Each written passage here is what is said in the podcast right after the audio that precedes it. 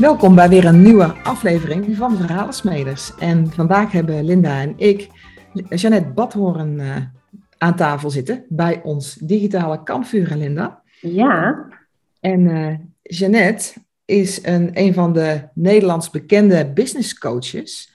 En een hele bezige bij, want ze heeft uh, maar liefst acht boeken geschreven. Ze heeft een podcast, De Vrijheidsondernemers. Uh, waarin ze 100 afleveringen in 100 dagen um, een challenge heeft, uh, heeft gedaan, of nog mee bezig is zelfs. Volgens mij is ze nog helemaal, niet helemaal af. Het is een no-nonsense business coach, een mastermind expert. En uh, ze begeleidt mastermind groepen voor experts die naar een ton willen of daar al over zijn. Dus een mond vol wat we hier aan tafel hebben, Linda. Ja, zeker. Dus welkom Jeannette. Ja, dankjewel voor de intro. Ja, en, en, en, mag ik gelijk aanvullen, die 100 in 100 dagen was vorig zomer, die zijn al gelukt. Die zijn al gelukt. Wat had je nou ja. deze? Oh, de raw en unedited. Ik had nu gedaan. 90 dagen raw en dan edited. En, want we zitten al op aflevering 222, 232, sorry. Ja, moet je ja. kijken. Ja, dus uh, genoeg te luisteren. Ja, ja. ik ben bezig. Ik hou van creëren. Dat is houdt van creëren. Nou, ja. dat is mooi, Jeanette. En uh, in onze podcast gaan we altijd even terug met, de, met onze gasten. Van, ja. Uh, ja, waar je wiegje heeft gestaan, uh, dat is een feit, zal ik maar zeggen. Um, en dan ga je leven en af en toe overkomen je dingen. Nou, hoe ga je nou om met het lot? Of hoe kom je nu tot bepaalde beslissingen in je leven om dingen te gaan doen of anders te gaan doen? Dus ik was heel erg benieuwd van, waar heeft jouw wiegje gestaan? Mijn wiegje heeft gestaan in het Noord-Drentse dorpje, of dorp eigenlijk, Rode. Ligt vlakbij Groningen. En om precies te zijn aan het Nijlands Park in Rode, want ik ben gewoon thuis geboren, zoals dat uh, vroeger ging natuurlijk. En ja, voor Rode, voor de mensen die die kennen, het dorp van Altensien. En, en echt een dorp met heel veel geschiedenis, maar zo Drents als maar kan. we, hebben, we hebben een eigen hunebed en zo, tenminste vlakbij. Um, en op het moment dat wij dit opnemen, ben ik ook weer in Rode om een, een, week voor mijn moeder te zorgen, want die is gevallen, dus ik zit in de mantelzorg deze week. Maar het is ook wel weer leuk om weer op het nest te zijn, om het zo te zeggen. Ja. Ja, want je zei een typisch Drentse dorp, hè? Nou, nou ben ik een, uh, een nuchtere Brabander. Dus uh, wat, is, wat, is een, wat is een typisch Drents dorp? Wat is daar typisch aan? Uh, het DNA van een Drent is um, hoe zal ik het zeggen? Een Drent is van, van huis uit achterdochtig. Ze vertrouwen de wereld niet zomaar. En ze hebben ook een, een, een aangeboren minderwaardigheidscomplex. En ik zeg het even gegeneraliseerd natuurlijk. Hè? Maar een, een soort aangeboren minderwaardigheidscomplex. Want ja, uit het westen, daar zit het geld en daar zitten de universiteiten en ah, de, grote, de grote stad enzovoort. Dus in Drenthe is dat gewoon niet zo daar is heel erg het gevoel van, nou ja, we hebben ons eigen bubbeltje, onze eigen familie. Uh, daar zorgen we goed voor, maar jij komt niet zomaar in mijn tuin of jij komt niet zomaar in mijn huis. Dat duurt een tijdje. Dus je moet echt ook het vertrouwen winnen. En het is natuurlijk, ik denk dat het wel meer op het platteland is, hoor, maar je moet het vertrouwen winnen voordat je erbij hoort. Maar goed, ja, weet je, ik ben hier geboren en getogen. Dus op het moment dat ik ook hier terug ben, dan hoef ik maar te zeggen, joh, ik ben hier geboren. Oh ja, dat is mijn achterneef of weet je, zo. Ik hoor er op slag weer bij. En dat is, um, dat is als, je hier, als je hier weggaat uit Drenthe. En ik denk, ik denk dat het meer op het plat ligt. Als je weggaat van waar je bent geboren, echt ver weg. Dan pas ga je zien van, oh, hier is een hele andere cultuur. Hier gaan mensen heel anders met elkaar om. En dan ga je ook de voordelen. En nou ja, toen ik 15 was, zag ik alleen maar de nadelen hoor. De voordelen kwamen later. Ja, precies. Want op zich, ja, je, je bent, hoeveelste ben je in een gezin? Je hebt meerdere broers Ik ben de oudste. Ja, ik ben de oudste. Ik heb één zusje. Ja. Dus jullie zijn uh, rustig in Drenthe in de natuur opgegroeid, op het platteland? Ja, in het dorp. Maar goed, weet je, vier minuten lopen en we stonden in het bos. Ja, we waren precies. altijd buiten. We hebben altijd heel veel paard gereden. We, we hadden een hond, dus we waren wel heel veel buiten, ja. Klopt. Ja, precies. En de basisschool die zal er best uh, hebben gestaan in Rode. Ik heb eerlijk gezegd geen idee of het grote zorg ook een middelbare school was of dat je dan op de fiets uh, moest. Want en dan moest was... ik vijf, vijf kilometer, zes kilometer fietsen naar het oh, volgende dorp. het volgende. Dat valt nog mee. En de, en de basisschool, hoe was die voor jou? Zijn, er, zijn daar nog bijzondere dingen gebeurd? Was het heel gelovig of juist niet? Of... Nee, oh nee, dan ken je Drenthe nog niet. In Drenthe doen ze niet zozeer aan geloof. Dat vertrouwen ze ook niet. Dus ik ben ongelooflijk anti-kerks opgevoed. Echt heel erg anti-kerks. Uh, de kerk was ook voor, um, ja, voor rijke herenboeren bijvoorbeeld. Vooral op het, dat was meer ook het Groningse platteland. Daar woonden de rijke herenboeren, die waren dan uh, hervormd of protestant, weet ik veel hoe dat dan heet. Nou, die zaten vooraan in de kerk. Um, en als je dan een stukje familiegeschiedenis erin zet. Uh, mijn oma, die op het Groningse platteland woonde, die moest als meisje van 15 bij zo'n boer gaan werken. En die werd zo slecht behandeld. Die vertelde dan wel eens hè, dat ze de was moest gaan doen als het buiten vroeg. Moest ze gewoon buiten in zo'n hok de was gaan doen. Dus die, die heeft ook altijd gezegd, ja, dan zitten ze vooraan in de kerk en, uh, weet je, en dan op zijn. Dus dat was gewoon, dat deden wij niet.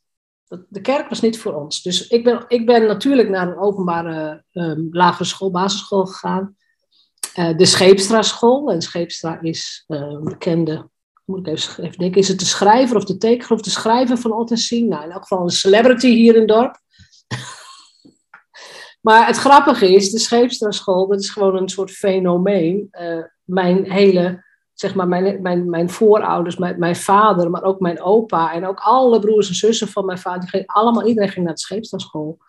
Dus dat was ook een, ja, dat hoorde er ook gewoon bij. Ja, ook grappig. En dan kun je alleen maar hopen dat zij het allemaal goed deden. Dat ze, niet, dat ze niet zei, oh, daar heb je er weer zo een van die familie. Ja, maar goed, ik, weet je, het is een grote familie, hè, de familie Badhoorn. Dat is gewoon echt mijn naam. Ik doe niet aan meisjesnamen, echt trouwde namen, weet ik veel. gewoon mijn naam. Uh, mijn opa en mijn vader waren fietsenmaker hier in het dorp. Dus die waren al bekendere persoonlijkheden. En bovendien zijn ze gewoon hier ook geboren en getogen. Dus als ik ergens kwam nieuw, en zeker bij de bij de autochtone bevolking. Uh, dan keken ze me aan en zeiden ze, oh ja, en nou even in trend. Ze, oh ja, Bistijn van Bardo, dan kijk ik wel zijn.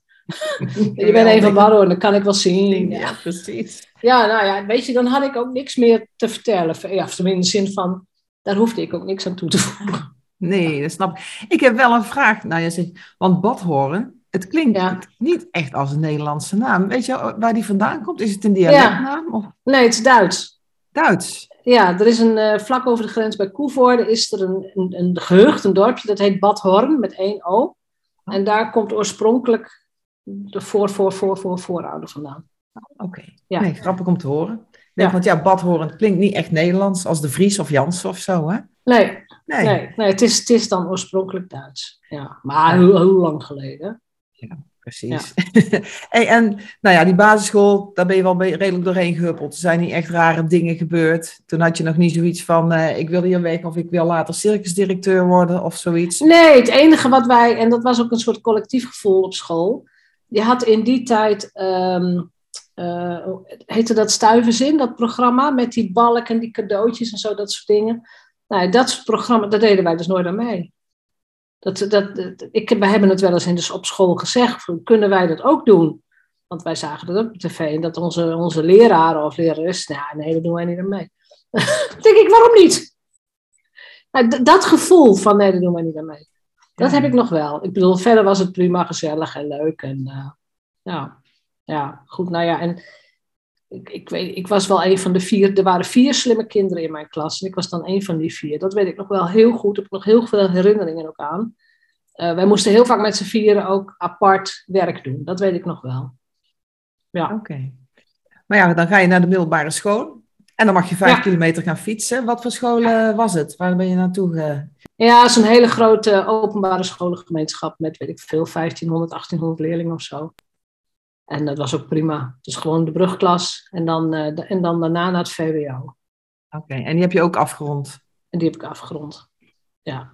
En toen begon het leven? Of, eh, want toen zat je nog steeds in rode natuurlijk. Nee, want jij vroeg ook in de intro kantelpunten. Toen was ik al een beetje aan het nadenken. 3 VWO was voor mij een kantelpunt. Omdat ik in 3 VWO, weet je, ik, net als alle andere pubers had ik nou echt veel zin in leren. Ja, sommige vakken vond ik wel leuk. Maar in de derde heb je al die rotvakken nog, waar ik niet goed in was. Hè? Scheikunde, natuurkunde en allemaal vakken waar ik niet goed in was. Maar in 3 VWO heb ik besloten, nu ga ik wel echt even mijn best doen, want ik wil over. Want ik wil op mijn 18 het huis uit, want ik wil studeren. Dat moment kan ik me nog heel goed herinneren. Dus dat- vanaf dat moment ben ik echt wel heel gefocust van nee, ik wil- ga mijn diploma halen. Ja, precies. Want wat, wat, wat was het dan riep? Was het een gevoel van autonomie of van vrijheid of van Ja, uitbreken? weg, weg uit dat dorp. Ja, weg uit dat Ja. dorp. Het was hier natuurlijk op een gegeven moment, eh, als je 16, 17 bent, is in zo'n dorp natuurlijk heel saai. En, en bekrompen en, en te klein. En eh, hier gebeurt niks groots en meeslepend. Nee, en daar was je wel naar op zoek blijkbaar. Ja, natuurlijk. studentsmeisje. Groots Ja, en meeslepend. Groots en waar en werd, het, eh, waar werd dat groots en meeslepend eh, leven eh, vormgegeven? Na je Nou, helemaal in Groningen, helemaal in Groningen. maar hey, leukste studentenstad van Nederland. Dus eh, Ik hoor ja, het vaker. ja, dat is echt. Dus ik ben, eh, nou ja, wanneer had ik mijn diploma? In mei, juni of zo? Nee, wanneer doe je examen? Mei. Dus in Ja, juni had ik mijn diploma, weet ik veel. Half juli had ik mijn kamer. Ik had twee hele kleine kamertjes. Waar ik dan een slaapkamertje en een zitkamertje. En ik vond dat fantastisch. Dus dat was het tweede kantelpunt. De dag dat ik op kamers ging. Geweldig. Ja. Ik heb ook nooit Ja, heimwee gehad of zo. Echt gewoon niet. Nee, want wat ging je studeren, Jeanette? Psychologie. Psychologie. Want vanuit welke intrinsieke motivatie kwam dat? Of was het gewoon eh, een roulette? Ik wil naar, eh, naar Groningen en daar hebben ze psychologie, laat ik dat gaan doen. Nee, ik had wel meer opties. Ik had ook wel talen willen studeren. Iets van taalwetenschappen of eh, ehm, de Spaansachtige talen had ik ook wel willen doen. Maar goed, ik ben gaan studeren in 1984. Grote jeugdwerkloosheid. Alles was kansloos zo'n beetje. Nou ja, talen al helemaal. Als je dan denkt, ja, talen, talen ja, dan, word ik leraar. Daar heb ik ook geen zin in. Dat had ik al wel door. Ik denk, ik moet geen leraar worden. Niet voor de klas. Dus toen ben ik inderdaad maar iets gaan doen ik denk van, nou ja, dan kan ik nog alle kanten op. Ja, dat is psychologie. Ik heb het niet afgemaakt hoor, want toen kreeg ik statistiek en dat was allemaal weer. eh, oh, oh. Ja, precies. Ja. Een belangrijk onderdeel. En toen, dus Ja. je hebt eh, psychologie gedaan een tijdje. Toen Ja, kwam er iets anders in de plaats? ik heb uiteindelijk de HAO internationale marketing afgemaakt. Het is eigenlijk iets heel anders, maar Ja. heel veel toe, ook HBO, veel toegepaste. Gewoon klasjes, gewoon dit moet je doen. En ja, dat paste mij beter. Ja, en wat, waarom past de marketing zo goed bij jou? Ja, dat is een goede vraag. Omdat er heel veel psychologie wel in zit. Dus ik vind het wel heel interessant om te ontdekken. Hoe kun je iets zo verpakken dat iemand het aantrekkelijk vindt? Dan heb ik het bijvoorbeeld even over teksten of andere dingen. En alles wat je doet als ondernemer is ook psychologie. Het, en het, weet je, of het nou negatief of positief is, manipulatie of eh, nou ja, aantrekkelijk zijn. Maar alles is psychologie. Dus ik, ik, vind het heel, ik vind het ook wel heel mooi bij elkaar passen. En dan heb ik het niet over klinische psychologie. Bij klinisch heb je echt de ziektebeelden en mensen moeten opgenomen. Daar heb ik het niet over. Maar gewoon de, de algemene toegangs- of de toepassingsmogelijkheden. Ja. ja.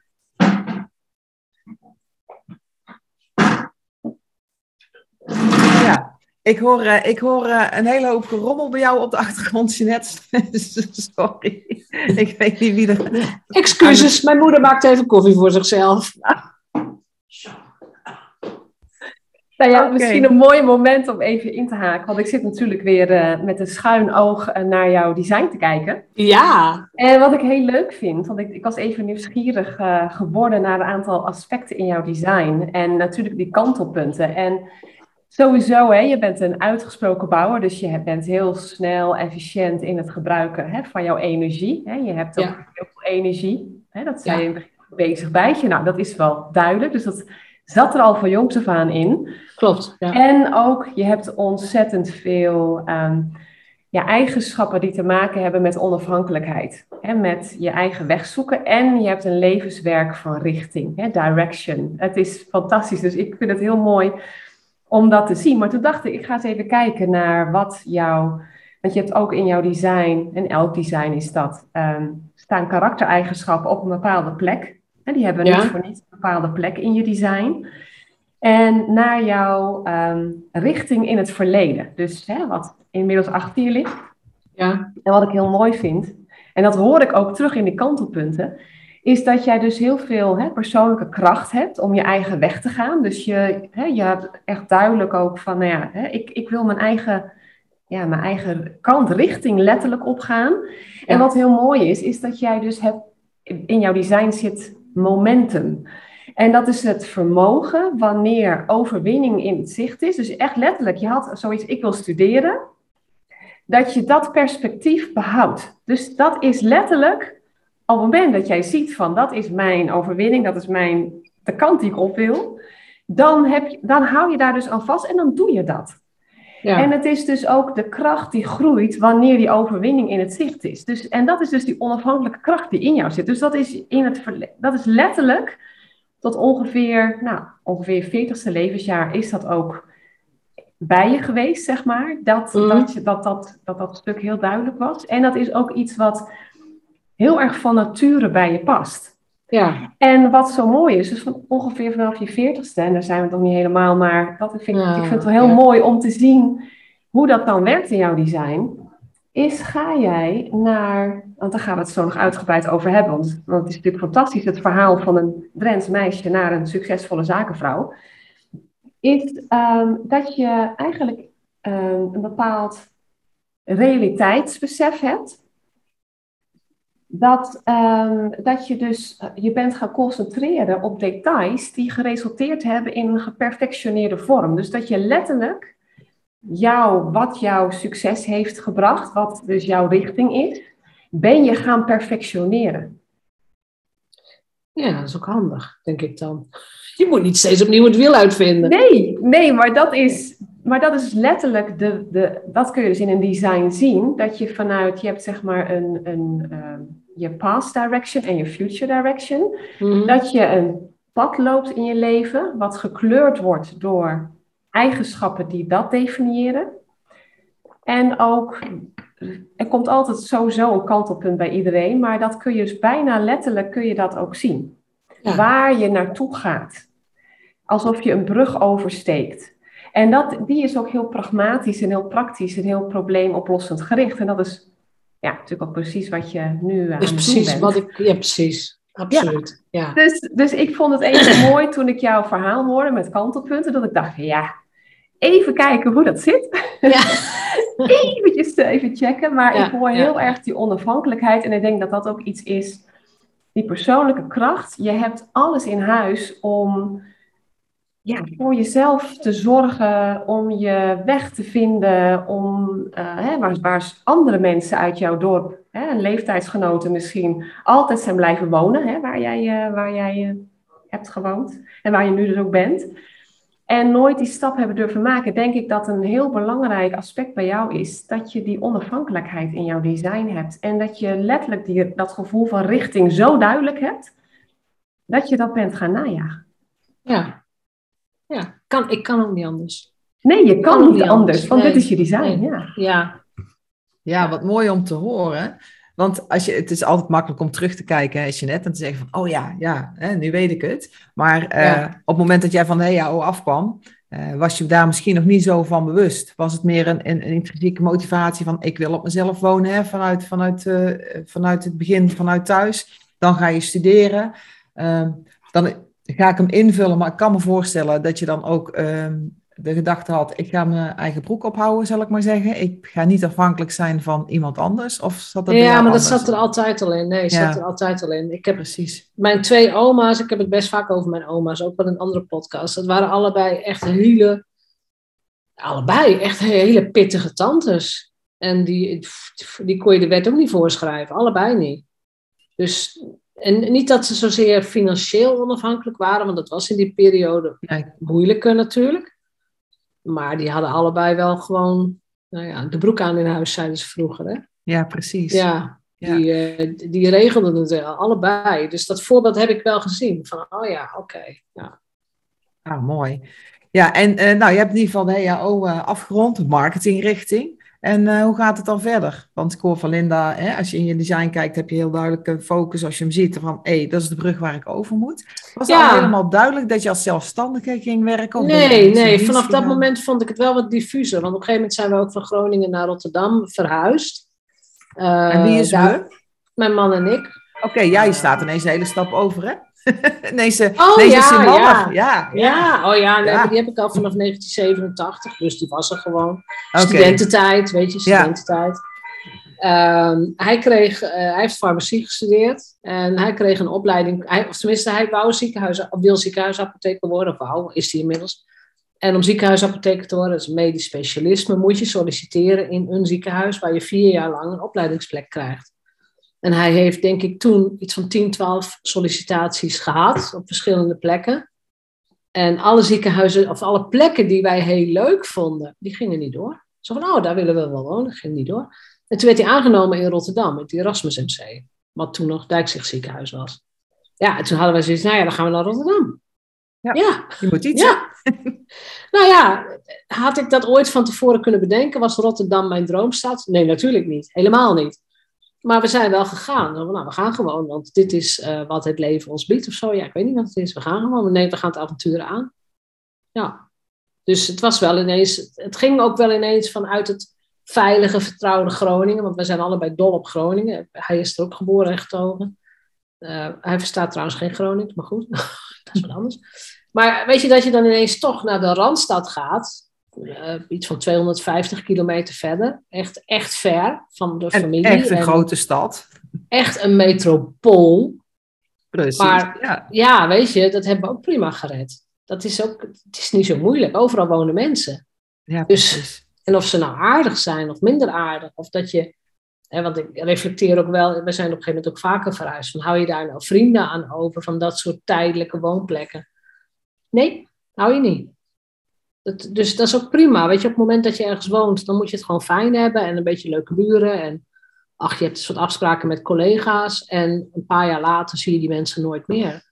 Ja, dat is gewoon de realiteit. Ja, en toch is dat ook wel een kantelpunt geweest dan, hè? Dat je van Groningen naar Rotterdam ja, gaat. dat is een groot kantelpunt geweest, ja. Ja. Ja. Want dat betekent ook, hè, dat je... Jij was toen afgestudeerd al, uh, Jeanette? Of was je nog, nog net niet. Ik heb, ik heb toen het laatste jaar nog moeten doen in Den Haag, heb ik het afgemaakt, aan de Haagse Hogeschool. Ja. En dan uh, Dus- ga je ook in de grote stad werken, of niet? Ja, maar goed, dan zit je in Rotterdam. En in Rotterdam, ja, drie keer knipogen en je hebt werk, weet je. Ja. Dat is echt wel een verschil. Want ik ben natuurlijk opgegroeid sowieso in de tijd van de jeugdwerkloosheid. Nou, dat weet Lia denk ik ook. Ik denk dat Linda Ja. iets te jong daarvoor is. Lia weet ook nog wel. Jeugdwerkloosheid, maakt niet uit welke studie je deed. Alles was kansloos, weet je. Eh, De periode met de bom. En het was allemaal doemdenken. En eh, grote recessies. Dus op een gegeven moment in Groningen was het natuurlijk nog vier keer zo erg. Maar in de Randstad was het toch altijd wel werk te vinden. Al was het maar via een uitzendbureau of wat. Er was altijd wel iets te doen. En dat was op zich wel prettig. Want ik heb in die periode ook heel veel tijdelijke baantjes gehad. Gewoon bewust ook, omdat ik nog met die studie bezig was. Ik denk, oh, doe maar maar een halfjaartje dit, een halfjaartje dat. Ik vind het best. Ja, En precies. we doe wouden toch niet in Rotterdam blijven. We hadden toch niet het idee van, daar gaan we blijven. Want hij had daar die opleidingsplek. Dus eh, een beetje free, free, freewheelen. Ja. Freewheeling. Ja, en Ja. dat freewheelen, paste dat bij jou? Dat past heel goed. Want Ik ben, ik ben echt, ik pas helemaal in het profiel van een jobhopper, bijvoorbeeld. Dat werd vroeger natuurlijk niet geaccepteerd, maar als ik me verveel of ik vind het stom, ja, ga ik het gewoon anders zoeken. Ik blijf niet hangen hoor. Ik weet niet of Linda dat in mijn design ziet, maar ik denk, oh, weg. Ik ben weer weg. Ja, wat je houdt van eh, innovatie. Je houdt van, Ja, eh, ik hou van, ja, ik hou niet van, van, ik hou niet van, oh, zo doen we het tot tien jaar, wat kan mij dat schelen? Het Nee. werkt niet, weet je? Ja, Nee, maar dat past ook heel erg bij die onafhankelijkheid. Ehm, daar zit ook een vernieuwing in. Een drang naar dingen op je eigen manier te doen. En dat heel veel mensen die dat heel erg sterk in design hebben, en dat heb ik bijvoorbeeld zelf ook, ik herken het precies. Want op het moment dat, het, je uitgespeeld bent, dan denk je ja, ik wil weer meer leren, ik wil weer naar het volgende. En eh, juist ook, en dat zie ik in jouw design ook heel erg terug, dat je ehm, altijd op zoek bent naar ehm, ja, een volgend stukje om te ontdekken. Een stukje weer iets verbeteren. Een iets, een, eh, en dat, dat, dingen ook wel kunnen aanvoelen als een bepaalde beperking. En dat Ja. je denkt, nou ja, daar laat ik me niet door beperken. Dus ik ga linksom of rechtsom, ga ik daar omheen. En Ik heb het moeten leren hoor. Ik heb het echt wel moeten leren. Want van, van oudsher, ook van huis uit. En misschien ook nog een keer voor vrouwen. Ik weet niet of het driedubbel zo erg is. Maar je leert natuurlijk wel, wel tenminste heb ik geleerd. Hè? Je pas je aan aan de situatie. Je gaat je schikken. Je gaat je aanpassen. En zeker toen ik mijn eerste meer corporate banen kreeg. In, hè, toen ik mijn, mijn, mijn hbo af had. dacht ik van, nou ja, het zal wel zo horen. Weet je, zo, die gedachte, het zal wel zo horen. Ja. ja, dus ik heb ook wel jaren gehad dat ik gewoon absoluut niet fijn gewerkt heb hoor. Dat ik dacht van, wat zijn dit? Wat gebeurt hier allemaal? ja. Waar ik Nou gewoon ja, niet paste. Ja, precies. Ja. Maar dat is natuurlijk ook, hè, je hebt eh, heel veel open functies in je design. Dus je bent ontzettend eh, beïnvloedbaar, zeg maar, Ja, door de buitenwereld. Ja. Hè, dus wat andere mensen zeggen, wat ze denken, wat, in wat voor vorm ze dingen gieten. oh, meningen, ideeën, concepten. Ehm, de richting ook wel die ze opgaan, hun identiteit, hè, voel je ook sterk. Ehm, nou ja, en ook wat een, een hele eh, duidelijke aanwezige factor is hè, het gevoel van eigenwaarde. Hè. Je, je refereerde ook eh, hè, vanuit Drenthe dat, dat je sowieso, hè, de meeste Drentenaren in zijn algemeenheid, met een soort, nou ja, niet echt een gevoel van eigenwaarde worden grootgebracht, omdat het Westen... Aangeboren minderwaardigheidscomplex. Precies, aangeboren, precies. Je turf en achterdocht. Dat is gewoon, het was zo, het is zo, het zal ook wel zo blijven. Ik weet het niet. Ja. Ja, precies. Ja. En dat, is ook, dat komt ook heel erg sterk binnen. Dus ook hè, de, ja, dat stukje ego, hè, van waarde zijn. Wanneer ben je van waarde? Hè? Je, Ja. je, hebt er geen vast gevoel bij. Je, je, dat kan variëren van totaal je waardeloos kunnen voelen tot overdreven belangrijk. Hè, maar dat, eh, en heb je dat ook zo, eh, ja, en emoties van anderen, de stress en druk, ehm, angsten van anderen, niet goed weten, nou ja. Waar je goed ja, ik denk doet. dat ik dat in de loop van de jaren heel erg heb afgeleerd. Ja. Jouw probleem is jouw probleem. Weet je, jouw ellende is jouw Ja, weet je, prima. Daar heb ik ook geen last meer van. En heb je er last van, heb je er een probleem mee? Ja, weet je, je, je lost het zelf maar op. Dat heel erg. Maar inderdaad, het gevoel van, van waarde zijn. Dus in een groep staan of zitten en denken: wat is mijn rol in deze groep en, en hoe kan ik mij het beste nou, manifesteren? Nou klinkt het alsof je dat bewust doet. Ja. Maar hoe kan, ik het, hoe kan ik het beste mezelf zijn in deze groep? Dat is inderdaad echt afhankelijk van de omstandigheden bij mij. Ja. En, en er zijn groepen waarin, waar ik instant gewoon heel blij van word. En waar ik dus ook mijn beste zelf kan zijn. En er zijn groepen waar ik totaal niet tot mijn recht kom. Dat ik denk, wat doe ik hier? ja. Waar dat in zit, ik weet het nog steeds. Ja, ik kan het vermoeden, maar het, het, Nou het ja, inderdaad wel. Ja. voor jou is het heel belangrijk en daarom is het ook wel heel interessant dat je natuurlijk op verschillende plekken ook eh, hebt gewoond. Is dat de omgeving, alles wat in jouw omgeving zich bevindt, qua identiteit, qua wat, er, wat daar is, komt bij jou één op één binnen. Daar zit geen filter voor, dat is het geen deur voor. Dus de identiteit van anderen, maar ook van de identiteit van een groep. Of van een letterlijk een omgeving, een restaurant. Maakt niet uit, een stad.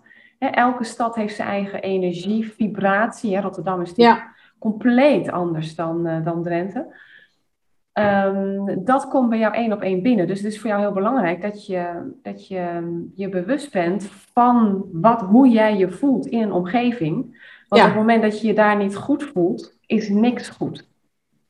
nee, dat klopt. Dan kan ik er ook niet uit. Met, met- dan kan ik er ook niet uitworstelen zelf. Dan, dan, is het, dan ben ik ook gewoon niet leuk.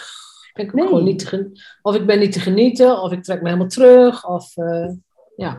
Ja, Dat is dus wel dat een is- heel mooi kompas, hè? Want op het moment dat je dus voelt van, hmm, ik ben niet zo lang in deze situatie, is dus echt de reden om er dan een stekker uit te trekken, maar even, hè? En te zeggen van, ja, het ja. was, eh, jongens, ik ga verder. eh, Ja. dit, is niet, dit is niet mijn plek. Dus dat is wel een hele mooie eh, ja, kompas, een mooie richtingaanwijzer, toch? Om daar Het is voor mij ook goed maken. om niet meer in Drenthe te wonen hoor. Dat is voor mijn persoonlijke ontwikkeling veel beter. Dat weet ik ook. Dus eh, ik ben hier graag, ik vind het ook fijn en ik geniet ook van de natuur en ik geniet van de gezelligheid. En dan op een gegeven moment ga ik weer weg en dan kom ik weer echt in een andere setting, andere mensen, andere energie, andere gesprekken. Ja, Ja, mooi om te horen. Ja. Ja, want eh Jeanette, dit heeft jou ook allemaal gebracht uiteindelijk tot het ondernemerschap. Hè? Want eh, jullie hebben samen kinderen, je hebt drie kinderen. Heb je in die Ja, tijd al voor jezelf gewerkt, eh, Jeanette? Of, eh? Nee, op een gegeven moment, eh, mijn man had, had dus die opleidingsplek in Rotterdam. Toen werd hij daar ook nog eens aangenomen. Gewoon als, als vast staflid. Toen hadden wij al vier jaar in Rotterdam gewoond. En toen hadden wij allebei zoiets van, we willen... Nou ja, we blijven wel in de regio dan. Want hij kreeg echt wel een, een prima baan. Maar we gaan niet in Rotterdam blijven. Dus toen zijn we een beetje rond gaan rijden met de auto. Van nou, wat is nou leuk op rijafstand van eh, Rotterdam waar we zouden willen wonen. En toen kwamen we uiteindelijk in Schoonhoven terecht. En daar hebben we acht jaar gewoond en daar zijn de kinderen ook geboren. En Schoonhoven is, uh, nou, voor de mensen die het kennen, een heel leuk, lief middeleeuws stadje. Met uh, de, de, zilver, de goud- en zilvervakschool. Dus ook een heel creatief kunstenaars die identiteit zit er. En het is heel streng gereformeerd, want het ligt ook nog op de Bijbelbelt. Dus heel dualistisch karakter misschien, maar daar heb ik me altijd heel goed thuis gevoeld. Schoonhoven was prima, was leuk. Er was heel veel import, dus heel veel mensen van buiten die daar gingen wonen om in Rotterdam of Utrecht of waar dan ook te werken. Dus uh, ja, dat was prima. En toen zijn we verhuisd naar Nijmegen. Oké, ja, je zit in een soort forense dorp gewoond, hè? Want als je net hoort dat energie heel belangrijk voor je is en dan streng gereformeerd, dan denk ik, daar zit waarschijnlijk niet de klik, maar wel meer met, de, met de import de en met... Ja, uh, ja en Schoonhoven is best groot hoor. Echt een regionale functie met veel winkels en, en grote middelbare scholen. Dus het, is niet, het, was, het wel... was geen dorpje of zo. Dus uh, ja. Ja. Dus je kon echt wel kiezen met wie je omging en, en waar je ergens ging wonen, in welke wijk, CQ. Het was niet één dorpje, zal ik maar zeggen. Nee, het was, nee. Het was groot genoeg in elk geval. Ja. ja. En toen werkte jij voor jezelf of toen was je nog... Nee, toen had ik gewoon nog maar, ja, Randstad, joh. Gewoon ja. Baantjes banen. voor het opscheppen, ja. Ja, maar ook gewoon echt, echt pittige banen. Want mijn laatste baan was bij een, um, een detacheringsbureau in de farmacie. Dus hè, mijn man is farmaceut, dus ik, ik ken die wereld wel een gegeven moment werd ik daar aangenomen. Nou, paste ook precies. En dat was een Belgisch bedrijf, Vlaams bedrijf. Dus ik moest um, één keer per maand ook naar Brussel om te vergaderen. Nou, reed ik om uh, zeven uur half achter op de ring bij Antwerpen, weet je, dat soort dingen. Maar goed, weet je, een leuke tijd gehad. Uh, en ik was daar eigen baas. Ik had dus het kantoor Nederland, was onder mijn hoede. En dat vond ik wel heel leuk. Want natuurlijk er was een, soort hoofdkantoor, maar ik rapporteerde rechtstreeks aan de directeur. Maar het kantoor Nederland was gewoon echt wel mijn kantoor, om het zo te zeggen. Ons, ons kantoor, ja, ik weet. Het was gewoon, was gewoon niet zo heel groot. Maar dat was wel heel leuk. En um, op een gegeven moment werd dus duidelijk van, oh, wij gaan verhuizen naar Nijmegen. Want wij wouden gewoon, wij wouden weg uit de drukke Randstad. Kinderen waren toen op een gegeven moment allemaal geboren. Um, ik miste de bossen. Dus ik miste gewoon de mogelijkheid om lekker te kunnen wandelen. Uh, en en nou ja, toen zijn we gewoon ook eens gaan kijken, waar willen we wonen. En toen kwam er zo'n zo'n lijn van Nijmegen, Arnhem, Zwolle, Groningen. Zo, daar willen we wel wonen, dat stukje.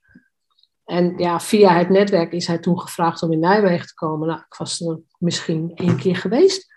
Eigenlijk nog nooit geweest. Toen zijn we rondgeleid door iemand die er al werkte. Die hem had gevraagd, wil je bij ons komen werken? Dus die heeft ons rondgetoerd. Nou, dan kom je in Groesbeek en de Heilig Landstichting en Bergendal. En allemaal mooi, mooi, mooi. Ja, echt dus, heel mooi. Echt heel mooi. Dus we hadden zoiets van, nou ja, goh, hier kunnen we wel, hier kunnen onze kinderen wel groot worden. Want heel veel ruimte, heel veel bos, huizen veel goedkoper dan in de Randstad. Dus op een gegeven moment hebben wij het besluit genomen, wij gaan ons huis in Schoonhoven verkopen. Nou, ontzettend vet veel geld aan verdiend. Was een goede tijd. In de slechte tijd gekocht, in de goede tijd verkocht. Nou, sneller, sneller kun je je geld niet verdienen. Uh, toen hebben we een ontzettend groot huis in, uh, tegen, tegen de stuwwal van Nijmegen gekocht. En, uh, en daar woon ik nog steeds. Nog wel, want de kinderen zijn nu bijna het huis uit. Dus het wordt tijd voor het volgende kantelpunt hoor. Maar... Ja, precies. Maar, maar die is er nog niet. nog goed, niet, dan, zit, je, dan zit je in Nijmegen. Je, ja, en, Dan, en dan zijn de leuke banen meteen op. Ik vond het verschrikkelijk. Ik ging solliciteren. Ik denk, nou, ik ga gewoon tien jaar terug in de tijd. Weet je, daar zitten geen hoofdkantoren. Er zit, dat zit er, is er gewoon niet. Dus toen heb ik, en dan heb ik het over 2005, 2004, 2005. Toen zeiden op een gegeven moment drie mensen in één week, joh, waarom begin je niet voor jezelf? Weet je, de markt was toen goed, de arbeidsmarkt. Ik ben naar de Kamer van Koophandel gegaan. Ik heb me ingeschreven gewoon als interimmer. Ik denk, ik begin gewoon met wat uh, tijdelijke lokale klusjes. Ik ga wel zien. HR-werk deed ik toen, HR-interim. Mhm. Ja, dat was prima. En uh, dat was wel te vinden. En toen kwam in november 2005, hè, hier spreekt een dinosaurus. In november 2005 heb ik me ingeschreven bij LinkedIn. Nou, bijna niemand kende dat toen nog. Ehm, ik ging op LinkedIn. Ik deed toen ook veel recruitment uh, tijdelijke klussen. Dus uh, instroom, doorstroom, dat soort dingen. En ik zag LinkedIn. Ik denk, nou, dit is interessant. Dit is handig. Want dat, ik weet niet of dat in mijn design zit, weet ik niet. Ik zie heel snel hoe dit, hoe dit soort systemen werken en wat je eraan zou kunnen hebben. Dus ik kan heel snel de vertaalslag maken tussen, hey, dit is nuttig. En hey, hier kunnen HR-managers, recruiters, hier kunnen we wat mee. Dus ik was in 2007, 2008 een van de eerste die LinkedIn-workshops en dagtrainingen ging geven. En van daaruit is mijn interesse ontstaan in verdienmodellen en niet meer uurtje factuurtje, opschalen. Dus het is voor mij allemaal, het is echt niet zo dat ik in 2005 dacht van, oh weet je wat, uiteindelijk word ik dit of dat. Nee, bij mij groeit alles organisch. Als ik ergens tegenaan loop, denk ik, oh, daar moet ik iets over leren. Nou, en dat, nou ja, vast forward, 16 jaar later zijn we hier en heb ik me verdiept in verdienmodellen, in money mindset, nou, alles wat, eh, de funnels, alles wat erbij hoort bij online marketing. Ja, precies. Want als je nu als ondernemer zit te luisteren of je denkt van, goh, ik zou iets voor mezelf willen doen. Uh, wat is dan de kracht om bij Jeannette Badhoorn uh, te komen? Ja, als je echt starter bent, moet je nog niet bij mij zijn, want ik verwacht te veel van je ik gooi je eigenlijk altijd terug naar je eigen verantwoordelijkheid. En ik heb heel graag dat je al dingen geëxperimenteerd hebt of dat je al dingen geleerd hebt van mensen. Maar de mensen die het beste floreren in, in, in onze mastermind groepen, dat zijn de mensen die weten waar ze naartoe willen, die ook niet bang zijn om verder te experimenteren, maar die al wel een bepaalde basis hebben staan. Dus ik noem dat de, de expert, de ondergewaardeerde experts. Ze hebben bijvoorbeeld al wel een boek geschreven of ze hebben al wel een, een lopend programma. Ze hebben ook al wel klanten, maar ze hebben het veel te druk. Ze denken dat hun prijzen te laag zijn, bijvoorbeeld. Uh, ze positioneren zichzelf nog niet echt als expert. Hè, dat is bij mij vaak niveau 1. Uh, eh, en als ze zich als expert gaan positioneren, dan komt de sprong naar: oké, hoe ga je jezelf als CEO positioneren? Dus op het moment dat je echt start, dan, dan snap je die hele dynamiek nog niet helemaal wil niet zeggen dat, dat, niet, dat je dat niet snel kunt leren, maar dan kun je veel beter eerst echt in een groepstraject met, weet je, met, een, met een vooropgesteld programma stappen. Want ik verwacht toch ook wel gewoon dat mensen zelf hun huiswerk gaan doen en video's bekijken, maar er zit geen, er zit geen van A tot Z in. Nee, het is, geen workshop-gedachte uh, of een, of een nee, opleiding. Het is, echt het is geen vast Ja, ja, precies. En, en, je, je noemt net uh, tussen neus en lippen door mastermind. Ik weet niet of iedereen weet wat een mastermind is. Kun je daar eens uh, iets over vertellen? Ja, dat is het vervolg voor mij geweest op het uh, doen van groepstrajecten. Dus ik heb groepsprogramma's gehad waarbij iedereen elke week dezelfde content kreeg. Dus dezelfde les van hey, deze week. En dan ging op maandag de les open. Hadden ze een week de tijd om de les te maken en de week daarna gingen we het bespreken. Dus dan een beetje het schoolsysteem, zeg maar.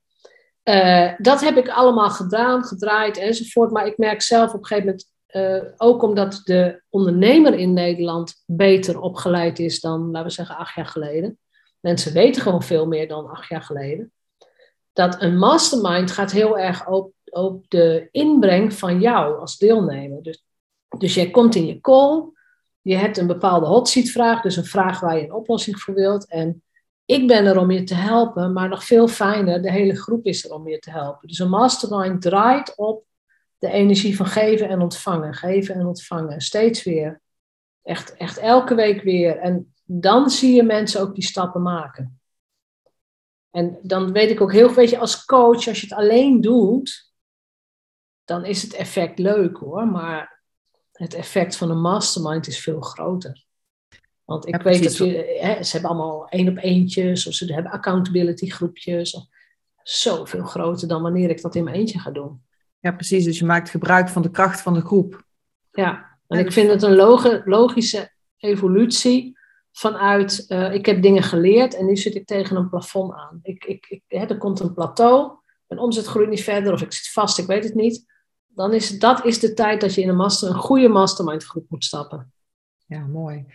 Ja. En um, een van de dingen die uh, Linda net ook al uh, noemde, dus ik ben benieuwd uh, of je daar iets over kunt vertellen. Innovatie is iets wat, wat in jouw design zit. Hè? Je, bent, je kunt echt innoveren. Je bent vaak de eerste die iets gaat doen. Hè? Je zei net al soort met LinkedIn, hè? was je ook al een van de. Ja, was ik ook een van de eerste. Early adapters, zal ik maar zeggen. Ja.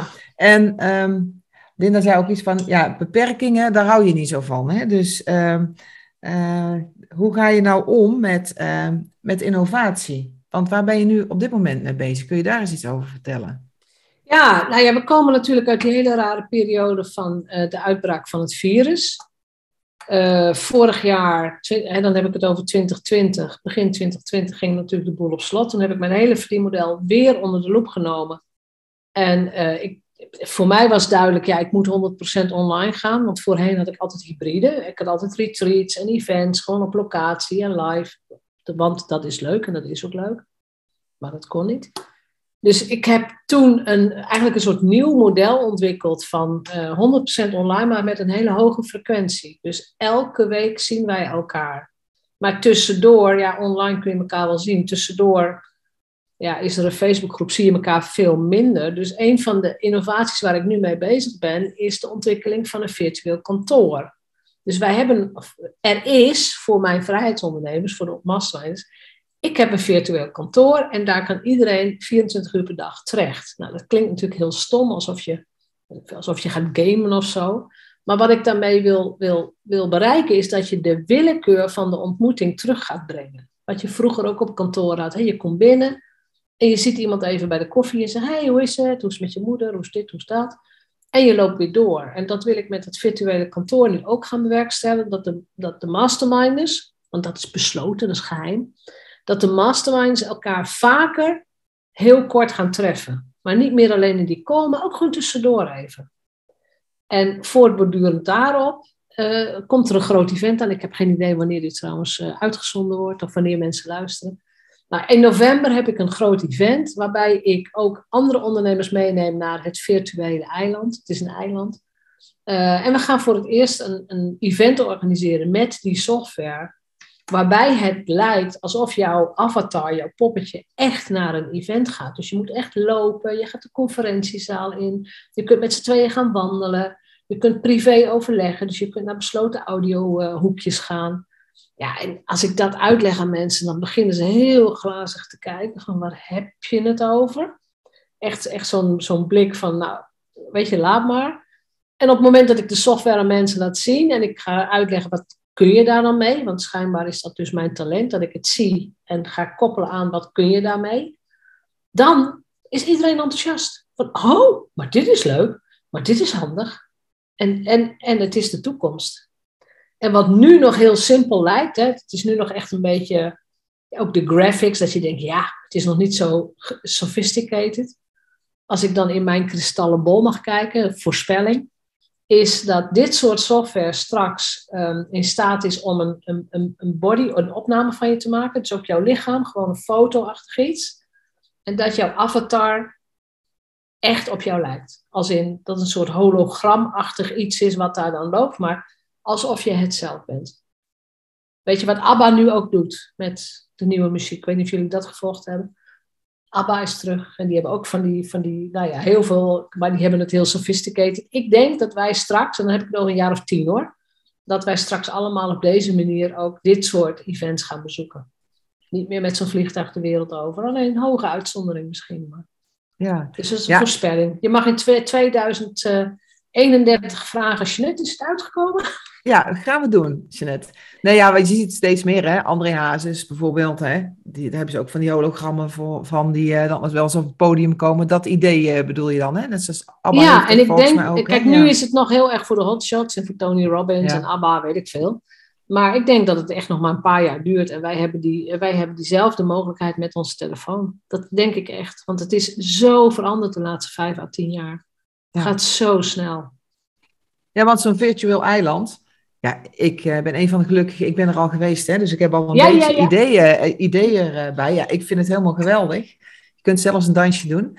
Uh, maar het mooie is, um, je kunt nu in de besloten community hè, ja. van het Virtual Island. Hè, en ook die, je gaat ook een retreat daar organiseren hè, in 18 en 19 november uit mijn hoofd. Ja, 19 en 20. Of 19 en 20. Ja. Maar stel ik zit te luisteren en denk ik van ja, ik heb geen idee. Ja, leuk, een avatar en een poppetje. En uh, ja, ja. ja hoe, hoe kan ik daar nou als luisteraar meer uh, van te weten komen? Behalve deze ja, dat, dat, dat is... Dat is het nou, sowieso, ga naar mijn website jeanettebadhoorn.nl en er staat een aparte link op van het virtual event. Dus je kunt wel kijken wie gaan er komen, wat gaan we ongeveer doen. Maar wat het allermoeilijkst via woorden over is te brengen, is de beleving die jij als ondernemer op dat eiland gaat hebben. Dus ik heb geen idee wanneer mensen luisteren, maar er gaan wel wat Zoom-achtige meetings komen waarin ik de software gewoon ga uitleggen. Van kijk, dit werkt zo, dit kun je zo doen, hier, dit kun je zo beleven. Dat mensen al een beetje gaan spelen met die software. Want dat is voor heel veel mensen al een drempel. Ja, precies. Maar dit kan natuurlijk voor ondernemers die, die, die luisteren, of voor mensen die uh, hierin geïnteresseerd zijn. Dit kan ook wel een model zijn wat je zelf kunt gaan toepassen als ondernemer of als vereniging of als uh, club. Ja, want, van, we gaan een eigen club op het Virtual leuk, Island maken. Het leuke is nu ook dat de, die software voor dat eiland is gewoon openbaar. Dat kan iedereen downloaden en je kunt het eiland gewoon gratis gebruiken. Dat, dat kan iedereen, dat kan nu al. Op het moment dat jij zo'n besloten kantoor wilt, dan ga je de software huren, ga je ervoor betalen. Maar iedereen kan zeggen, weet je wat, uh, we zien elkaar om, uh, weet ik veel, vier uur vanmiddag op het voetbalveld. Ja. en dan kun je gewoon afspreken. Ja, je kunt het eigenlijk een soort vergelijken met uh, Facebook. Hè? Je hebt de open pagina's en de besloten. Dus het Virtual Island, je kunt daar gewoon naartoe. Hè? Ik ben er een paar keer geweest en dan zie je mensen uit de hele wereld rondlopen. Mensen uit de hele wereld, afhankelijk van de tijdzone. Nu zijn er allemaal Japanners en Chinezen, volgens mij Japanners maar. Ja. ja, maar het is ook heel leuk, hè? want je kan ook iemand aantikken en dan kun je gewoon een gesprek uh, beginnen met iemand die, uh, ja, die je niet kent, zal ik maar zeggen, als die er ook voor open staat. Hè? Dus ja, geweldig leuk. Dus uh, mensen kunnen zich gewoon aanmelden. Sowieso Virtual Islands gaan bekijken. Willen ze meedoen, kunnen ze sowieso uh, intekenen voor de tweedaagse. En dan wordt er dus uitleg gegeven over het Virtual Island. Zijn er eventueel ook nog workshops of dat soort dingen? Of kun je ja, oh, als je, als je wilt weten wat we gaan doen, dan wordt het een, uh, een het programma wordt zo opgebouwd dat je steeds gaat werken aan één bouwsteen van jouw online business. Dus ik heb een, een nou, ik heb inmiddels twaalf blokken uh, gedefinieerd voor jouw business, voor jouw bedrijf. En dat is je vrijheidsondernemershuis. Dus eh, heel kort gezegd, de oprit is er om mensen te verwelkomen. Dus voor online ondernemers kan dat bijvoorbeeld zijn je weggever of de, de foto's die je gebruikt. Dus, nou, zo ga je helemaal het huis vormgeven. De woonkamer is je aanbod. En we gaan bijvoorbeeld ook werken aan een 10k aanbod. Dus hoe maak je een aanbod waar je 10.000 euro voor vraagt. Maar al die componenten komen aan bod. Maar tijdens die componenten, dus tijdens die, die um, bouwstenen, krijgen we ook wat dan in Zoom heet de breakout rooms. We krijgen ook um, gastsprekers, workshopgevers om het zo te zeggen, die zeggen, weet je, dit thema uh, wordt vandaag voorgezeten door die en die. Wil je daar meedoen, dan moet je naar het voetbalveld. Ik noem het voetbalveld even weer. Wil je aan dit thema meedoen, dan ga je naar het park. Of wil je aan dit thema meedoen, dan ga je naar de speedboot. Of Weet je, dat je op die manier ook heel gemakkelijk bij een groepje kunt aansluiten. Je verdiept je in het ene thema en na een uur kom je weer terug in de conferentieruimte. Dus het, nou, is, het, programma zal, voor, ja, het programma zal voor iedereen anders zijn, omdat je toch heel veel keuze gaat krijgen in uh, wat er gaat gebeuren. Maar het is allemaal marketing, het is allemaal um, uh, voor online businesses, maar ook dingen als stemgebruik komt naar voren. Dus er gebeurt van alles. Ja. Nou, mooi. Nou, luisteraars die willen, voel je uitgenodigd en uh, meld je vooral uh, aan. Linda en ik zullen ook uh, rondhuppelen daar, Linda, in onze afspraak. Ja, zeker. En ik denk dat er veel aan de speedboot te vinden zijn, want dat vind ik toch echt zo gaaf. Ja. Ik wil langzaam naar de afronding gaan van onze podcast. ik weet niet, Linda, heb jij nog een uitsmijter? Nou ja, wat ik heel leuk vind, als je net refereerde zelf aan van, goh, hè, zijn er dingen in mijn design te zien?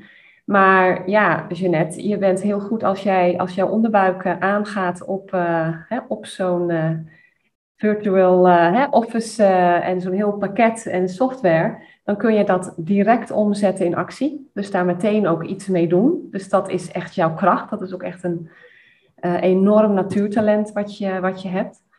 En wat ook gewoon heel mooi is, is in jouw waarden zit dus dat stukje innovatie, waar je dus ook leiderschap op hebt. Dat, dat zo noemen we hem ook.